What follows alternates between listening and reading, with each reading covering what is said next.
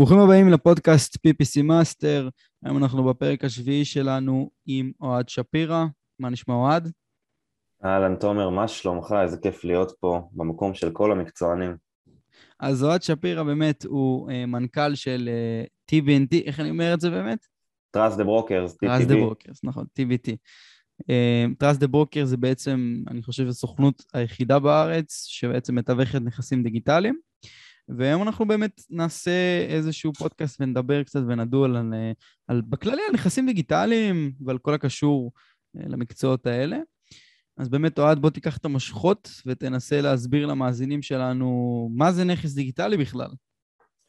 מגניב, אז אה, דבר ראשון, אנחנו מתעסקים באחד הנושאים הכי מעניינים שאנשים אה, שואלים ומתעניינים בהם, וזה לא סתם, לא בכדי.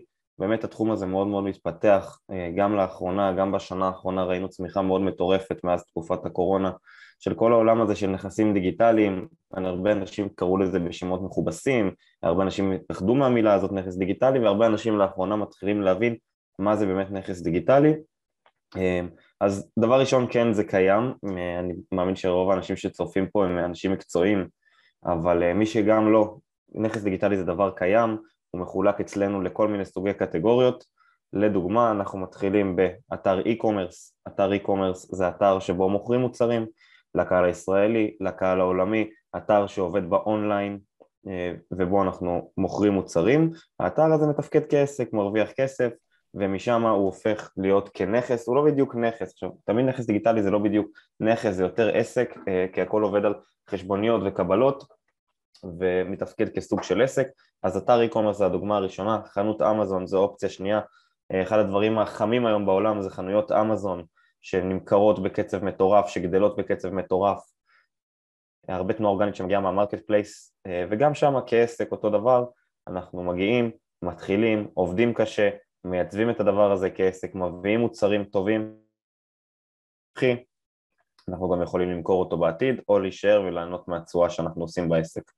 דבר נוסף שקיים בנכסים דיגיטליים הוא אתרי תוכן ולידים, זה בעצם אתרים שמקודמים ברמה גבוהה ב-SEO, SEO למי שלא יודע זה... אה, תבדוק רגע את החיבור connection שלך, אני אחתוך את זה פה, בסדר. תבדוק רגע אם אתה על אה, הכל בסדר בווי-פיי, אתה טיפה נקטע לי. כן, נראה שסבבה. סבבה, תמשיך. מאיפה אני ממשיך? מ-SEO.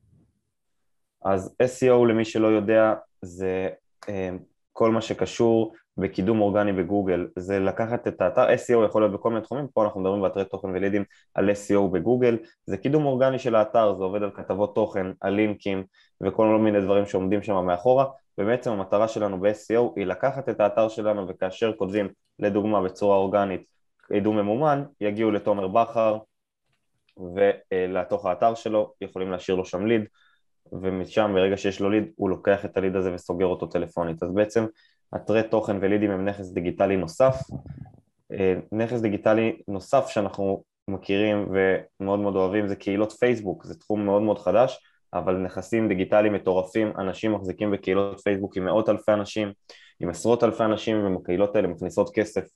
איך הן מכניסות כסף? הקהילות האלה בדרך כלל קהילות ממוקדות, זה יותר מה שאנחנו מדברים עליו בנכס דיגיטלי, קהילות בתחום הכסף, קהילות בתחום הדיאטה, קהילות בתחום הספורט, קהילות בתחום הריצה, האופניים, לא משנה לאיפה שלא תיקחו את זה, ברגע שהקהילה היא קהילה ממוקדת וניתן להרוויח ממנה כסף, גם היא הופכת להיות נכס דיגיטלי. יש מספר סוגים נוספים של נכסים דיגיטליים, ערוצי יוטיוב, עמודי אינסטגרם, עמודי פייסבוק, כל הדברים האלה, גם טיק טוק לאחרונה הפכו להיות נכס דיגיטלי, חנויות Etsy, באמת זה תחום מאוד מאוד רחב שכל דבר שהוא בעצם אנחנו מסתכלים עליו ואומרים כל דבר שהוא online business אמ, הוא מבחינתנו נכס דיגיטלי, תוכנות SaaS וכדומה ותחום מאוד מאוד מרתק, גדול ורחב, כל משהו, בהגדרה אחת כל מה שהוא יושב כ online business באינטרנט בלבד הוא נכס דיגיטלי מבחינתנו ואנחנו שמחים אה, לעזור ולקדם אותו וגם לעזור במכירה, שזה מה שאנחנו עושים. ואנחנו נרחיב על זה בהמשך, אבל באמת אני רוצה כן. לסכם את מה שאוהד פה, הוא שפך עלינו את כל הספיץ' הזה עכשיו, ואני בטוח שאתם כזה מרותקים ולא יודעים מה לעשות, ורגע, רגע, רגע, רגע. לפני שאנחנו רצים באמת לבפנים, בפנים, אני אסכם את זה ככה, נכס דיגיטלי הוא פשוט כמשמעו, נכס בדיגיטל, פה זה נגמר. כל נכס שיכול לייצר לנו איזה, בסופו של יום נכס הוא שווה ערך לכסף, כן? במקביל. כל נכס ששווה ערך מסוים, שיכול לייצר לנו הכנסה מסוימת, שבאמת אפשר להעריך אותו בשווי, והוא בדיגיטל, הוא נכס דיגיטלי, פשוט כמשמעו. זה לא משנה אם זה אתרי לידים, זה לא משנה אם זה קבוצות פייסבוק, זה לא משנה אם איזה מנוע צמיחה או מנוע מודל כלכלי יש לכם. כל עוד זה משהו שיכול להיות שווה ערך, כמו שבית שווה ערך, כמו ששטח חקלאי שווה ערך, כמו שכל דבר שהוא נכס שווה ערך, פשוט כמשמעו שהוא בדיגיטל, זה נכס דיגיטלי, מאוד פשוט. אה, ובאמת, אם אנחנו נכנסים טיפה לדיבור על נכסים דיגיטליים, אז אני יכול להגיד אה, שאוהד פה ציין משהו יפה. בשנה האחרונה, במהלך הקורונה, ניצ... נהיה באז מאוד גדול על עולם הנכסים הדיגיטליים.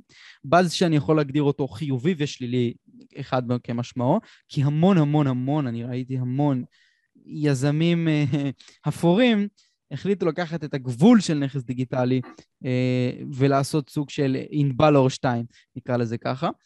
אה, כמובן, בלי לציין שמות, כולכם מכירים את הסיפורים המפורסמים, יש גם עוד סיפורים שלא מדברים עליהם, אה, לפחות, אני לפחות נחשפתי לכמה סיפורים די קטנים של חבר'ה שכאילו היו קולגות שלי, כאלה ואחרות, קולגות קטנות, אבל בסופו של יום עדיין בקהילות מוכרות, השמות שלהם מוכרים, שבאמת אה, התרחבו באמת לעניין הנכסים דיגיטליים. עכשיו, נכס דיגיטלי זה מאוד טריקי. למה? כי שוב פעם, זה נכס דיגיטלי. נכס יכול להיות אלפי דברים, אתם מבינים את זה, כאילו, לא אלפי, אבל עשרות, עשרות סוגים של נכסים שונים. אז למה זה טריקי? כי יכול לבוא האדם ולטעון שיש לו נכסים דיגיטליים, וכל מה שיש לו זה, זה עמוד אינסטגרם, אוקיי? וזה בסדר גמור, נכס זה נכס, כן? אבל, ואבל גדול, אפשר לייצר הייפ מאוד גדול על משהו מאוד קטן, זאת הפואנטה שלי. באמת, אוהד, אני רוצה שתיתן את ה vision שלך, במיוחד מההתעסקות שלך על זה. תראה, מה שאני הולך להגיד עכשיו אה, יכול להפוך הרבה אנשים לעשירים. זה, יש שיטה מאוד מאוד פשוטה לקחת נכס דיגיטלי ולהפוך אותו לאימפריה ולהפוך כמה, להיות, להיות בעל יכולת להחזיק בכמות לא מוגבלת של נכסים דיגיטליים. נכון, הם עולים כסף, זה גם תלוי בכסף שיש לכם, אבל יש שיטה שהיא הרבה, הרבה יותר קלה לקחת את הדברים האלה ולהפוך, באמת מי שיקח את הדבר הזה ויבין את המודל שאני אגיד כרגע, יכול להגיע לאן שהוא רוצה. כל מה שאנחנו צריכים כדי להחזיק נכס דיגיטלי זה אנשי מקצוע. אנשי מקצוע. בסך הכל אנחנו צריכים שיהיה לנו אנשי מקצוע, בגלל אני אומר את זה לא פעם ולא פעמיים בכוונה, ברגע שיש לנו את האנשי מקצוע הנכונים שיודעים לקחת את העסק שלנו, מה שנקרא הנכס דיגיטלי שלנו, לדוגמה חנות e-commerce, אני צריך לדעת להתוות את הדרך כבעל העסק, כבעל הנכס, כל מה שאני צריך לדעת לעשות זה להתוות את הדרך, מה אני רוצה שיקרה, מה ה vision שלי בנכס e-commerce הזה, לאן אני רוצה שהוא יגיע? ומכאן אני יכול לקחת אנשי מקצוע ולהגיד להם זה ה vision שלי, זה מה שאני רוצה שיקרה, צאו לדרך ולשלם להם. עכשיו, כדי להחזיק כמות גבוהה של נכסים דיגיטליים, אני צריך אנשי מקצוע טובים ואיכותיים, זה לא לוקח יום ולא לוקח יומיים למצוא אותם, והדרך הכי טובה שאני מכיר, יש כל אחד והזה שלו, שאני מכיר, היא לקחת בן אדם, למצוא אותו טוב טוב, מומחה e-commerce, מומחה אמזון, אחרי שאתם אלה שהשקעתם את הכסף כמובן ורכשתם את הנכס או יצרתם את הנכס ועכשיו הוא שלכם, לקחת איזשהו בן אדם שהוא מומחה e-commerce, שהוא מומחה אמזון, שהוא מומחה לקהילות פייסבוק, להגיד לו תשמע אני מחזיק היום בנכס עם סתם דוגמה קהילת פייסבוק עם 150 אלף אנשים תן אפילו דוגמה, רגע, תן דוגמה, תצלול, תן לי איזה משהו. תחום. אז אני, אז אני נותן דוגמה, קהילת פייסבוק עכשיו, לדוגמה חיה מהמציאות, קהילת פייסבוק עם 150 אלף אנשים, אתה לוקח את הקהילה הזאתי, ואתה מביא מישהו שהוא מנהל קהילות, זה המקצוע שלו, ניהול קהילות פייסבוק. אבל מה התחום שלה? בוא סתם ניקח רגע דוגמה בשביל לבשר אותם ממש לתוך הפואנטה. סתם, זרוק לי פה איזה תחום. בוא, אז אני סתם אזרוק לך תחום, קהילה בתחום האופניים. אוקיי, אופניים, יפה, אופניים אני... אני, לא משנה אם לפני כמה שנים, עכשיו קניתי או לפני כמה שנים פתחתי קהילה בתחום האופניים ועכשיו יש לי קהילה עם 30 אלף אנשים, קבוצת פייסבוק בתחום האופניים עם 30 אלף אנשים ואני אומר לעצמי מה אני עושה איתה, איך אני הולך להרוויח ממנה, קניתי אותה כבר, יצרתי אותה כבר, לא משנה מה עשיתם, עכשיו היא שלי, איך אני יוצר אותה, מה אני עושה איתה ורוב האנשים שמגיעים גם לדבר הזה, יש להם עוד עיסוקים, אה, או שהם אנשי עסקים כמונו, או שהם אה, שכירים ביום יום שלהם וכשהם מגיעים הביתה הם מגיעים לחלק היזמי שלהם ובעצם אומרים מה אני עושה איתה, איך אני מכניס כסף? אז כל מה שצריך לעשות זה להיכנס לקבוצות פייסבוק מקצועיות של מנהלי קהילות פייסבוק, של אה, תוכניסטים, של חשדניסטים, כל הקהילות האלה ולשים מודעה דרושים, אני בעל קהילה בתחום האופניים, קהילה בעלת מעורבות גבוהה עם 30 אלף חברים, ואני מחפש מישהו שאוהב את עולם התוכן הזה של אופניים, בעל ניסיון בניהול קהילות, ליצירת קהילה רווחית ושיתוף פעולה בתמורה לאחוזים. מפה אתם גם מתחילים, תלוי מי אתם, מה אתם, איך אתם יודעים לעשות את זה, כמה אחוזים הוא יקבל, גם מי הוא, זה מאוד מאוד חשוב, כמה אחוזים הוא יקבל, כמה אחוזים אתם תקבלו. זה נע באזור בין 20 ל-50 אחוז אני אוהב לעשות, בין 20 ל-50 אחוז מההכנסות או מהרווח, זה משתנה מתחום לתחום, ובסך הכל אתה אומר לו, חבר, זה ה vision שלי, צא לדרך, מדריך אותו, איך יוצאים לדרך, איך עושים את הדבר הזה, ומפה יש לך מנהל קהילה שהוא מנהל לך את הקהילה הזאת, ועכשיו אתה מתפנה ללמוד איך להתוות דרך לחנות e-commerce, או אתה מתפנה להבין על ערוצי יוטיוב ולהתוות שם את הדרך, ואז אתה יכול להכפיל את הדבר הזה. אתה יכול אחרי שקנית את הערוץ יוטיוב, או שיצרת ערוץ יוטיוב, לבוא ולהגיד מחפש מומחה בערוצי יוטיוב לשיתוף פעולה, בתמורה לאחוזים. אנשים מתים על זה, אנשים מקצועיים, זה פשוט שווה להם, כי הם מקבלים פה נכס, אין להם את הנכס הזה, לכם יש, והם מקבלים אחוזים מתוך הנכס על משהו שהם כבר יודעים לעשות, ואתם יכולים להכפיל את זה בצורה מטורפת, וזה כמעט נכס פסיבי, זה לא פסיבי לחלוטין, כי אתם פה בעלי העסק, אתם צריכים להיות בבקרה, בשליטה, לדעת להתוות דרך, אבל כל מה שאתם צריכים ללמוד זה לדעת להתוות את הדרך ולשכפל את השיטה הזאת שוב ושוב ושוב בכל עסק אונליין שתקימו, ואתם יכולים לעשות את זה מכל מקום בעולם, לנהל את כולם בזום. אנחנו בטראסט דה ברוקר צוות של 20 אנשים, כולם מהזום, בנכסים הדיגיטליים שלי, אותו מודל אני עובד תמיד, כולם בזום, מכל מקום בעולם, מומלץ מאוד, זה מודל שיכול ליצור לכם באמת אושר רב, ומי שפחות מתחבר לא רוצה לתת אחוזים, אז עכשיו זה גם דרך אגב שימו לב שזה לא אחוזים בשותפות, אתם יכולים להגיע לזה מתישהו, אבל זה לא אחוזים בתוך השותפות על הדבר, זה אחוזים על הניהול. כלומר, אתה מנהל לי את העסק הזה, ספ... ואתה מקבל 20% הוא לא שותף, הוא ספק. הוא, הוא לא שותף, הוא ספק בתמורה לאחוזים. נכון. נכון, הוא ספק. זה בסדר, יש, להיות... הסכמים כאלה. נכון, זה הסכם, זה הסכם מדהים לדעתי, זה הסכם שאני הכי אוהב, אתם גם לא צריכים פה, אין לכם פה איזשהו סיכון מבחינה תזרימית, כלומר אם אתם עכשיו באים לבן אדם ואומרים לו, תשמע, קח 5,000 שקל לחודש, תנהל לי את הקהילה, יכול להיות שהקהילה תעשה רק 2,000 או תעשה 0 ואתם מפסידים פה 5,000 או 3,000 שקל, כאן אתם לא לוקחים את הסיכון הזה, ומעבר לזה, אתם נותנים לבן אדם מוטיבציה מאוד מאוד גבוהה להכניס הרבה כסף לכיס שלכם, אתם בעצם נותנים לבן אדם אחוז ואומרים לו, קח, תעשה לי כסף, קח, תעשה לי כסף, קח, תעשה לי כסף, ואתם רק מתווים את הדרך. וזה הכי פסיבי שיכול להיות בנכסים דיגיטליים, וזה לדעתי המודל הכי מדהים שאפשר לעשות בכמה שעות עבודה בחודש או בשבוע, תלוי באיזה שלב אתם מול הספק, אתם יכולים להגיע לשמיים עם כל עסק ועסק, כי יש לכם בן אדם שמתעסק בדבר הזה ורוצה שתרוויחו, זה מדהים. זה נכון, חד משמעית זה מדהים. באמת, אני אגע פה בכמה נקודות. Uh, הדבר הראשון, וזה נכנס לנושא בתת, בפני עצמו, כן? Uh, הדבר הראשון הוא באמת נושא המוניטיזציה. אוקיי? זה נושא מאוד מאוד חשוב. למי שלא יודע, כל נושא המוניטיזציה, המושג הזה בכלל בא להגיד משהו מאוד פשוט. איך אני לוקח את ה, מה שיש לי ביד ואיך אני יוצר ממנו כסף, איך אני יוצר ממנו מנוע כספי. אוקיי? זה, זה תחום שלם, אגב, מוניטיזציה זה תחום מטורף, אני עסקתי בו הרבה מאוד זמן. היום אני, לדוגמה, יודע מכל דבר לראות איך אני יכול... זה לא רק ללקט מזה כסף, כן? זה לייצר מוצרים, זה לייצר, זה לייצר איזשהו תזרים, מנוע, מנוע חברתי, נקרא לזה ככה, של חברה, הכוונה. אז באמת, בוא ניגע בזה בנקודה, כי יש לנו פה סיווג לכמה דברים, תפרט עליהם, כמה סוגים, כמו אתר e-commerce, לידים, כל ה... נפרק את זה כמו עץ שורשים כזה. בכיף. אז מונטיזציה מתחלקת לשלוש נושאים ראשיים שמהם ניתן להרוויח כסף בכל נכס דיגיטלי שתרצו. חשיפה, לידים, מכירות. אנשים ישלמו לכם על חשיפה או על לידים או על מכירות והנה אני נכנס פנימה. יש לכם שלושה אופציות שאנשים ישלמו לכם בהם, או שתגידו להם, תשמע, זה האתר שלי, זה הקהילה שלי, זה הערוץ יוטיוב שלי, אני מוכן שתפרסם אצלי את המוצר שלך, את העסק שלך, בתמורה ל-2,000 ש"ח, אני מבטיח לך שזה יגיע ל-50 אלף איש, take it or leave it. או, אתם יודעים, כמובן אפשר להגיע לשם למשא ומתן, אבל זה העיקרון, זה החשיפה, זה מה שאתה מקבל, מה יקרה מעבר לחשיפה הזאת, אני לא יודע להבטיח, תמיד אתם רוצים שה-ROI יהיה חיובי, כבר ניגע בזה, וזה חשיפה, מודל חשיפה זה בדרך כלל בכל מיני ערוצים, כמו שאמרתי, קהילות, ערוצי יוטיוב, עמודי אינסטגרם. באתר פחות כזה נהוג, נגיד באתר איקום. זה... לא, באתר באתרים. אני אומר באתרים נכון, בכללי עכשיו... זה קצת פחות נהוג, נגיד חשיפה. ערוץ יוטיוב כן, קהילה כן, כי זה בסדר, זה הגיוני עוד. פחות. נכון, אבל גם גוגל אדסנס משלמים אדסנס זה אדסנס, כאילו אדסנס אני מסתכל על זה בתור, אה, אתה יודע, נכון, באתרים זה. פחות, באתרים זה פחות נהוג, מכיוון B2C זה כאילו שהתעבורה נהוג, החודשית? התעבורה החודשית באתרים היא משתנה, ממש מש- יכולה להשתנות ממש מחודש לחודש, אין לי כל כך איך למדוד את זה. ומכאן אנחנו נכנסים לתוך הקטגוריה השנייה. הקטגוריה השנייה היא מכירת לידים. אני מגיע לבן אדם ואומר לו, תשמע, אני אפרסם את המוצר, העסק או שירות שלך אצלי, ואנשים יתחילו לפנות.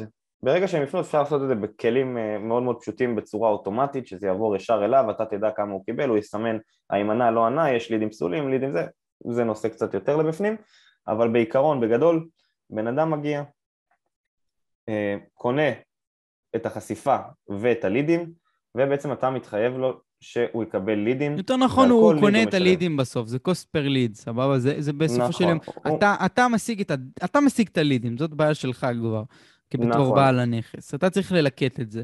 והוא קונה ממך את הלידים, זאת אומרת, הבאת לידים, יש הכנסה בבית. לא הבאת לידים, אין הכנסה בבית, מאוד מאוד פשוט. נכון. אז בעצם ברגע שהבאתי את הלידים, הוא משלם לי על הלידים. פשוט אפשר לעשות את זה שוב פעם, באתרים, בקהילות, בערוצי יוטיוב, בעמודי אינסטגרם, איפה שתרצו, טיק טוק, הכל, אפשר לייצר לידים ולמכור אותם הלאה. לדוגמה, אני, אה, טוליק, אחד מהבעלים בסוכנות, הוא בעלים של קהילת החשדניסטים, קהילה הכי מובילה בארץ היום ליזמות עסקית וחברתית בדיגיטל. טוליק מדבר עם תומר, הוא אומר לו, תומר, תשמע, יש לי הרבה מאוד אנשים שמתעניינים בייעוץ שיווקי. תומר אומר לו, וואו, אני אשמח, אה, מה, בוא נקדם את זה, אני אשמח לקבל פניות של אנשים שרוצים ייעוץ שיווקי. מעולה. אני מעלה פוסט עכשיו וכותב להם שתומר הוא תותח בייעוץ שיווקי, שהיה לי כיף איתו, שהוא עזר לי, ומי שרוצה שתומר יעזור גם לו עם איזושהי הנחה קטנה ככה להניע לפעולה, שישאיר פרטים בטופס הבא.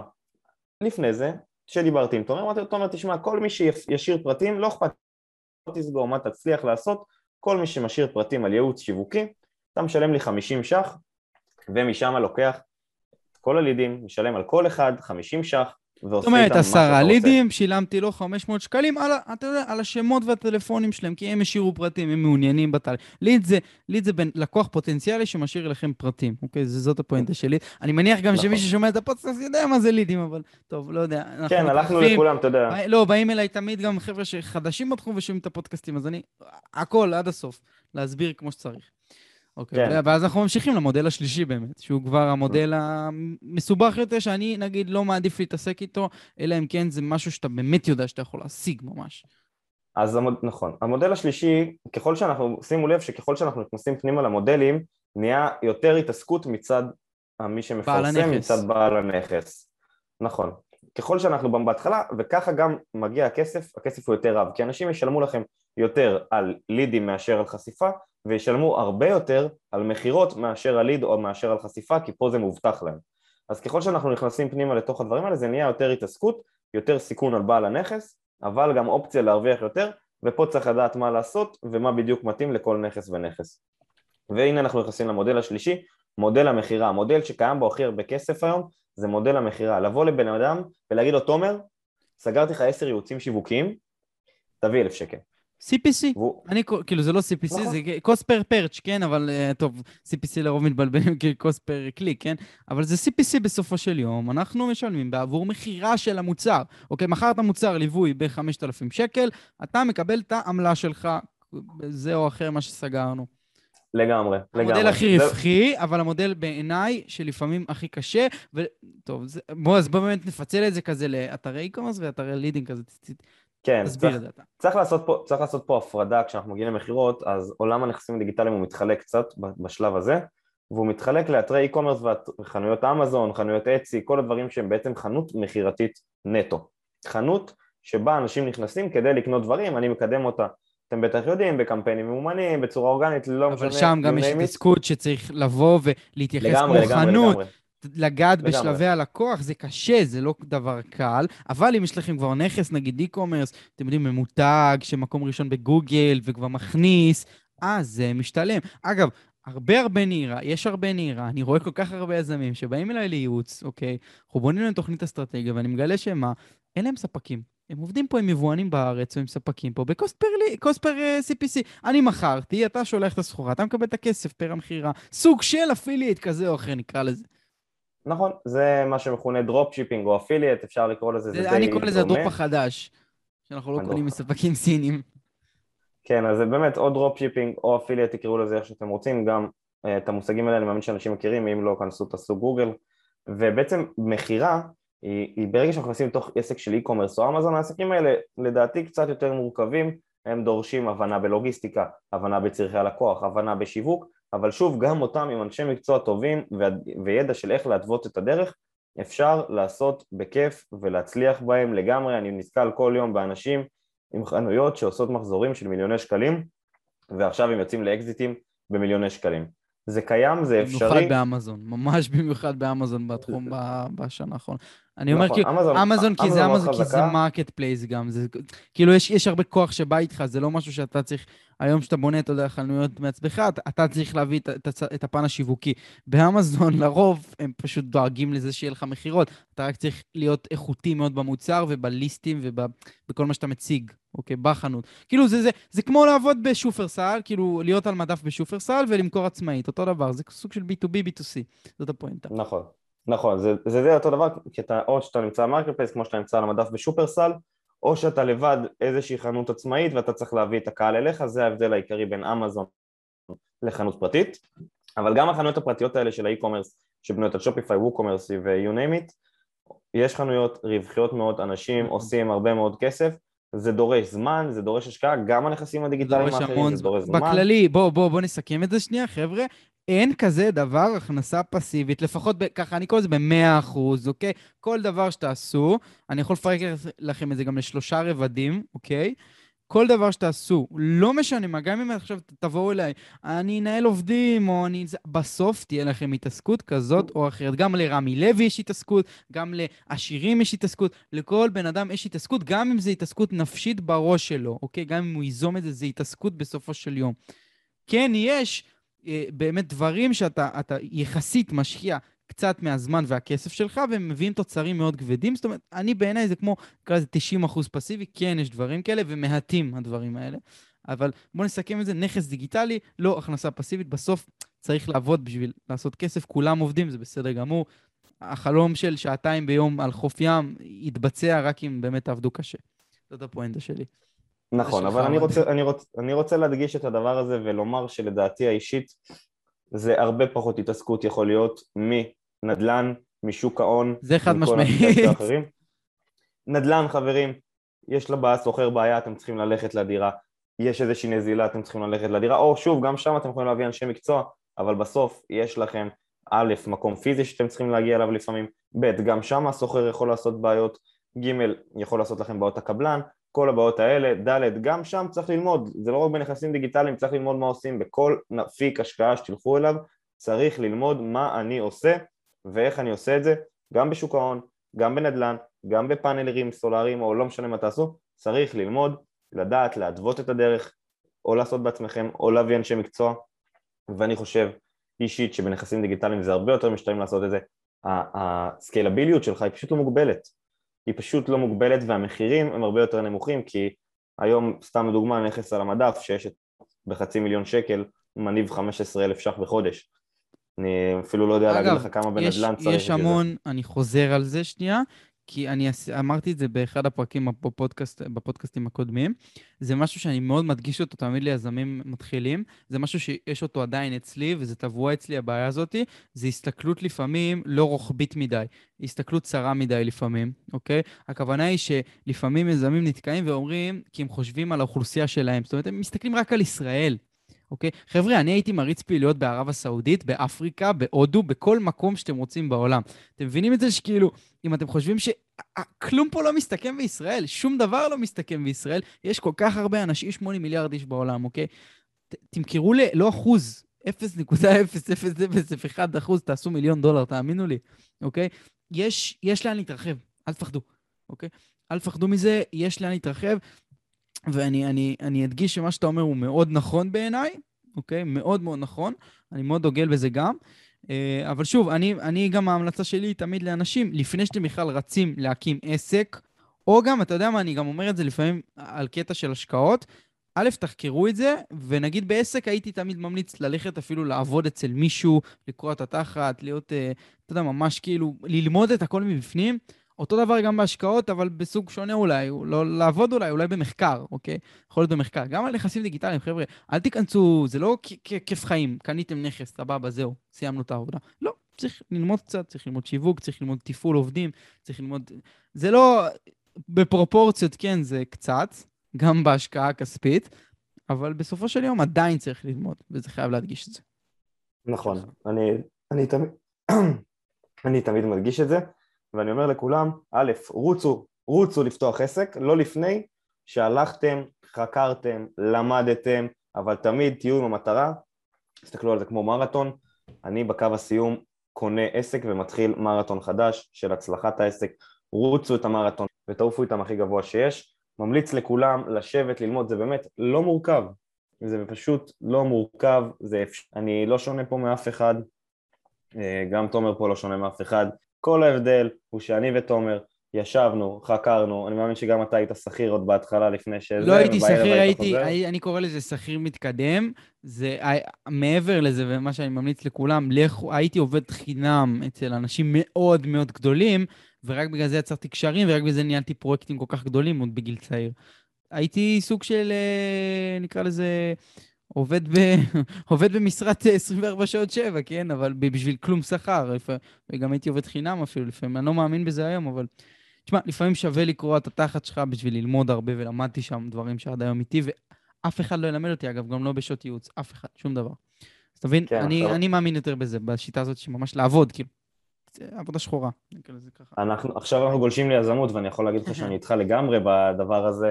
עבודה שחורה, תראו, אם אתם מתכננים ואומרים לעצמכם, אני מציב לעצמי יעד שבעוד שלוש שנים אני מרוויח 50 אלף שקל בחודש, אז זה לא משנה אם עכשיו תעשו בחברה 6,000 או 7,000 שקל, 8,000, זה ממש לא משנה, משנה כמה תלמדו.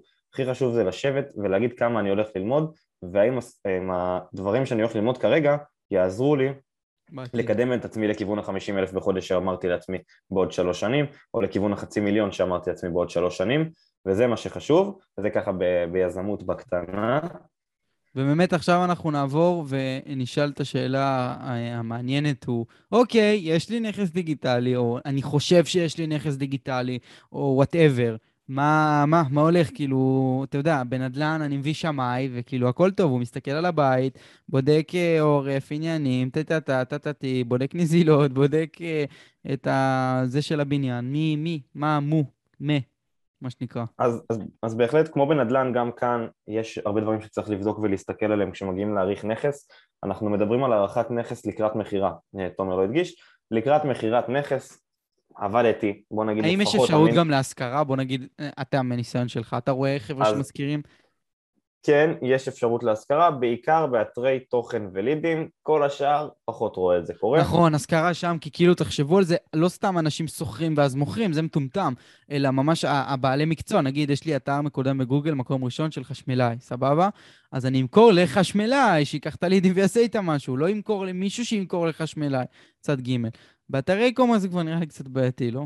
כן, שם זה, שם זה לא קורה, זה קורה באתרי תוכן ולידים, לשם, זה, זה התחום הזה של השכרה, הוא מדבר רק על אתרי תוכן ולידים, לפעמים קצת גם בקהילות פייסבוק, אבל בגדול בעיקר על אתרי תוכן ולידים, כמו שתומר אמר. ונחזור למכירה שלנו.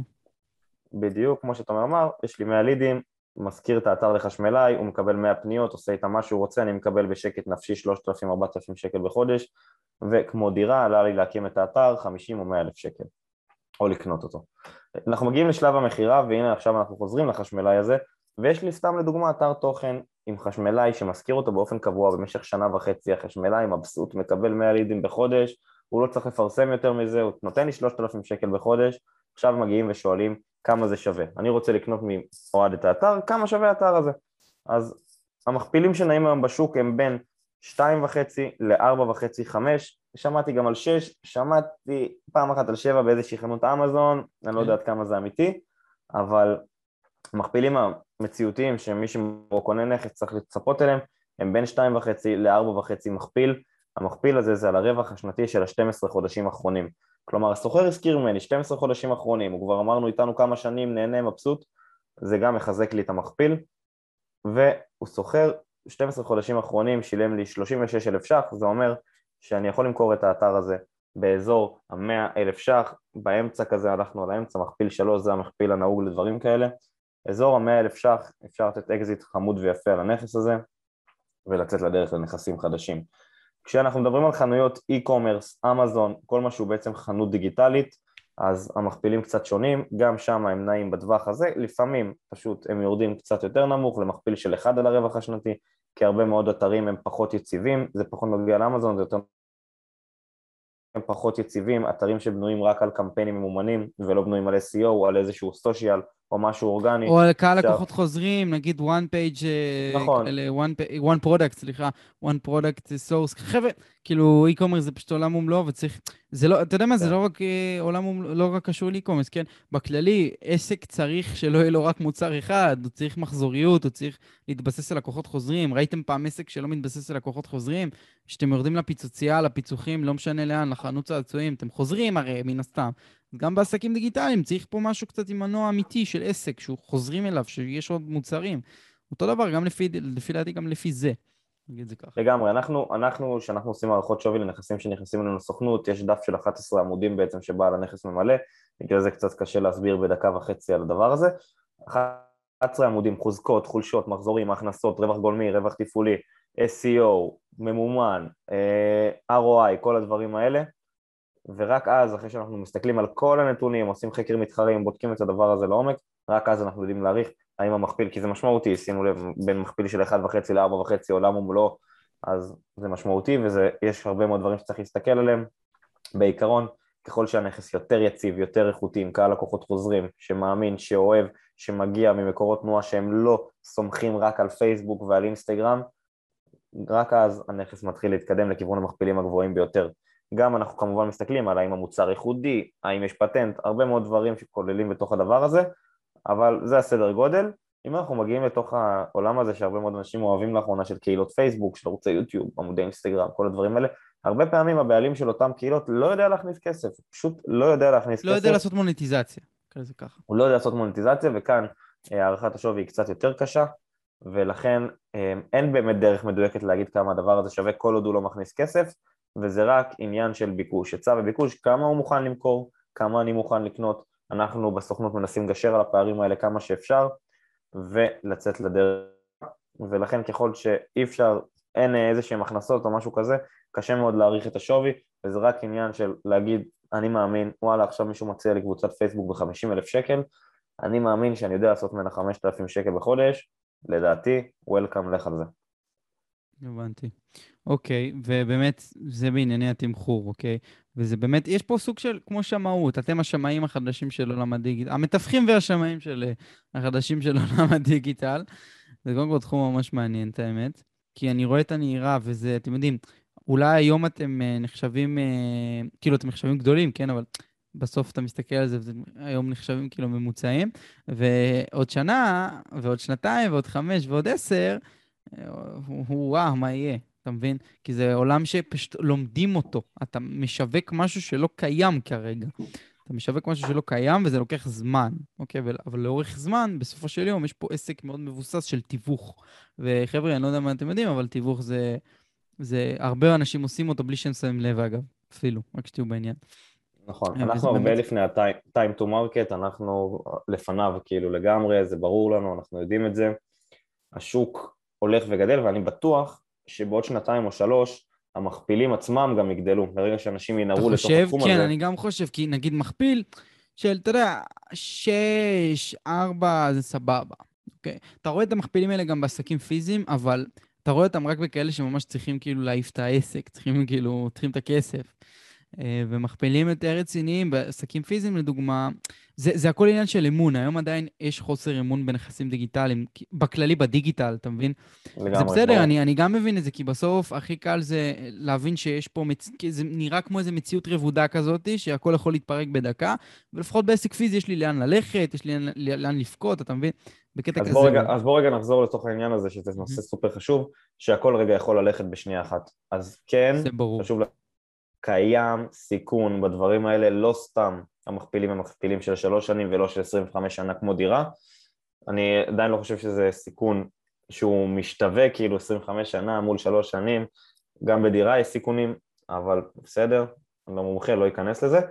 ויש פה סיכון, פייסבוק ביום אחד יכולים לסגור את הקבוצה, פייסבוק ביום אחד יכולים לסגור את העמוד אינסטגרם, אמזון ביום אחד יכולים להחליט שהמוצר שלכם לא ניתן למכירה יותר באמזון.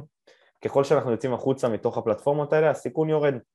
ואז אני נכנס פרטיות. לעניין המותגים. ככל שיש לך באמת מותג אמיתי שמבוסס על לקוחות חוזרים, שמבוסס על אתר משלך, שלא מבוסס רק על מקורות תנועה חיצוניים שיכולים לסגור לך את השלטר ביום אחד, אז באמת הנכס יכול להיות במכפיל מאוד גבוה, כי הוא, הוא fucking שווה. כי הוא fucking שווה, לגמרי. כי לא משנה מי יסגור אותך, אתה עצמאית מכניס, ואתה יודע מי הנכס הדיגיטלי שאם תמכור אותו אתה תהיה עשיר? אושיית רשת. תזכיר אותו. אושיית רשת בעיניי טוב, זה גם, זה טריקי, כי בסוף הוא גם כן, באינסטגרם. אבל, אבל אושיית רשת, אושיית רשת, יש הרבה אושיות רשת שדיברו איתנו ורצו למכור את הנכסים שלהם. אני לא, לא יכול למכור את זה. אתה חייב זה. אותם, הכוונה היא למכור נכון. ממש אותם. הכוונה היא ממש למכור אה, אותם. אה, למכור אותו. אושיות רשת כי... זה מדהים, כל הכבוד להם, באמת נכון, כל אגב, הכבוד להם. נכון, אגב, עמוד אינסטגרם שכאילו, אתה יודע, כל הקטע של אושיית רשת, עמוד אינסטגרם עם 100 אלף עוקבים של אושיית רשת, ברגע שהאושייה עצמה לא תהיה, אז כאילו זה, העמוד הזה שווה לה... זה, זה עוד חשיפה שאתה יכול לקנות היום בפייסבוק. אולי זה שווה קצת, אבל לא, לא, לא הרבה, בוא נגיד ככה. תשמע, אם לא... עכשיו טיילור מלקוב עוזבת את העמוד שלה ומביאה אותו לי, אני טוב, מאמין טיילור זה טיילור, חצי, כן, אבל... תוך חצי שנה אין שם אף אחד. זה הכל אושיית רשת. זאת הפואנטה, כי... הם רוצים לעקוב אחרי האיש. זה... היום אנשים קונים מאנשים, חבר'ה, תבינו את זה, כן? אנשים קונים מאנשים או קונים ממותגים, משהו עם סיפור מאחורה.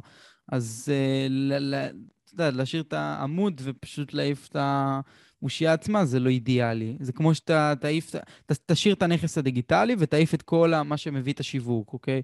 פשוט לא יעבוד. זאת הפואנטה הסופית. נכון, או תעיף את הפנים, תעיף את הפרזנטור המוכר, אוקיי? זה גם יכול.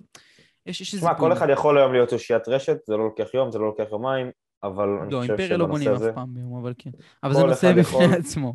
כן, לגמרי. אז באמת בוא ניגש, אחרי שהבנו קצת תמחור, קודם כל נראה לי המאזינים פה לא, זרקנו עליהם כל כך הרבה מושגים, מסכנים, אלה בכלל מקשרים את זה עכשיו לסיפורים, אתה יודע, בחברות שעקצו וכאלה. הבינו פה מה זה נכס דיגיטלי, הבינו איך לתמחר, יש פה אולי גם חבר'ה שכאילו, אוקיי, יש מצב שיש לי נכס דיגיטלי, אז קודם כל תפנו ל-Trust the Brokers, זה מצחיק השם גם, זה Trust the Brokers, זה, זה היופי. סמכו על, ה... סמכו על הברוקרים. Uh, תפנו, uh, אני, אני יכול להגיד שאני, למיטב הבנתי, אני לא יודע אם זה עדיין, יש הערכת שווי בחינם שהם נותנים. עדיין? נכון, נכון, אנחנו מאוד. נותנים בחינם, אחרי שאנחנו עושים שיחת צילום ראשונית ורואים שהנכס שווה מעל 100 אלף ש"ח, רק אז אנחנו נכנסים להערכת שווי חינמית, אבל כולם מוזמנים להתקשר ולבדוק את הדבר הזה איתנו. מעולה, ואם uh, זה שווה לכם, אז למה לא? ובאמת uh, אנחנו עוברים לקטע של מכירה. יש פה, יש פה, לפני שאנחנו נסיים באמת, יש פה איזה טיפים מסוימים שאתה רוצה לתת באופן כללי על כל התנהלות המכירה מהניסיון שלך. אה, באמת, דברים, פלטות שקרו, שראית, אה, אתה יודע, דוד כל הזמן מפרסם על פלטות כאלה של גישורים כאלה אחרים, כמו עורכי דין, אתם תאמינו לי. כן, דברים זה, כאלה. אנחנו, אנחנו מתווכים, אנחנו מתווכים, זה מקצוע באמת לא פשוט, למכור נכסים דיגיטליים זה לא פשוט, למכור אותם בעצמך זה בטוח לא פשוט, אני לא מכיר הרבה אנשים שעשו את זה. בעצמם, זה באמת לא פשוט, גם למתווך, גם לבן אדם פרטי, יש פה הרבה עבודה מאחורי הדבר הזה, כדי לקחת נכס דיגיטלי ולמצוא לו את האדם המתאים. וצריך להכין את הדבר הזה מראש.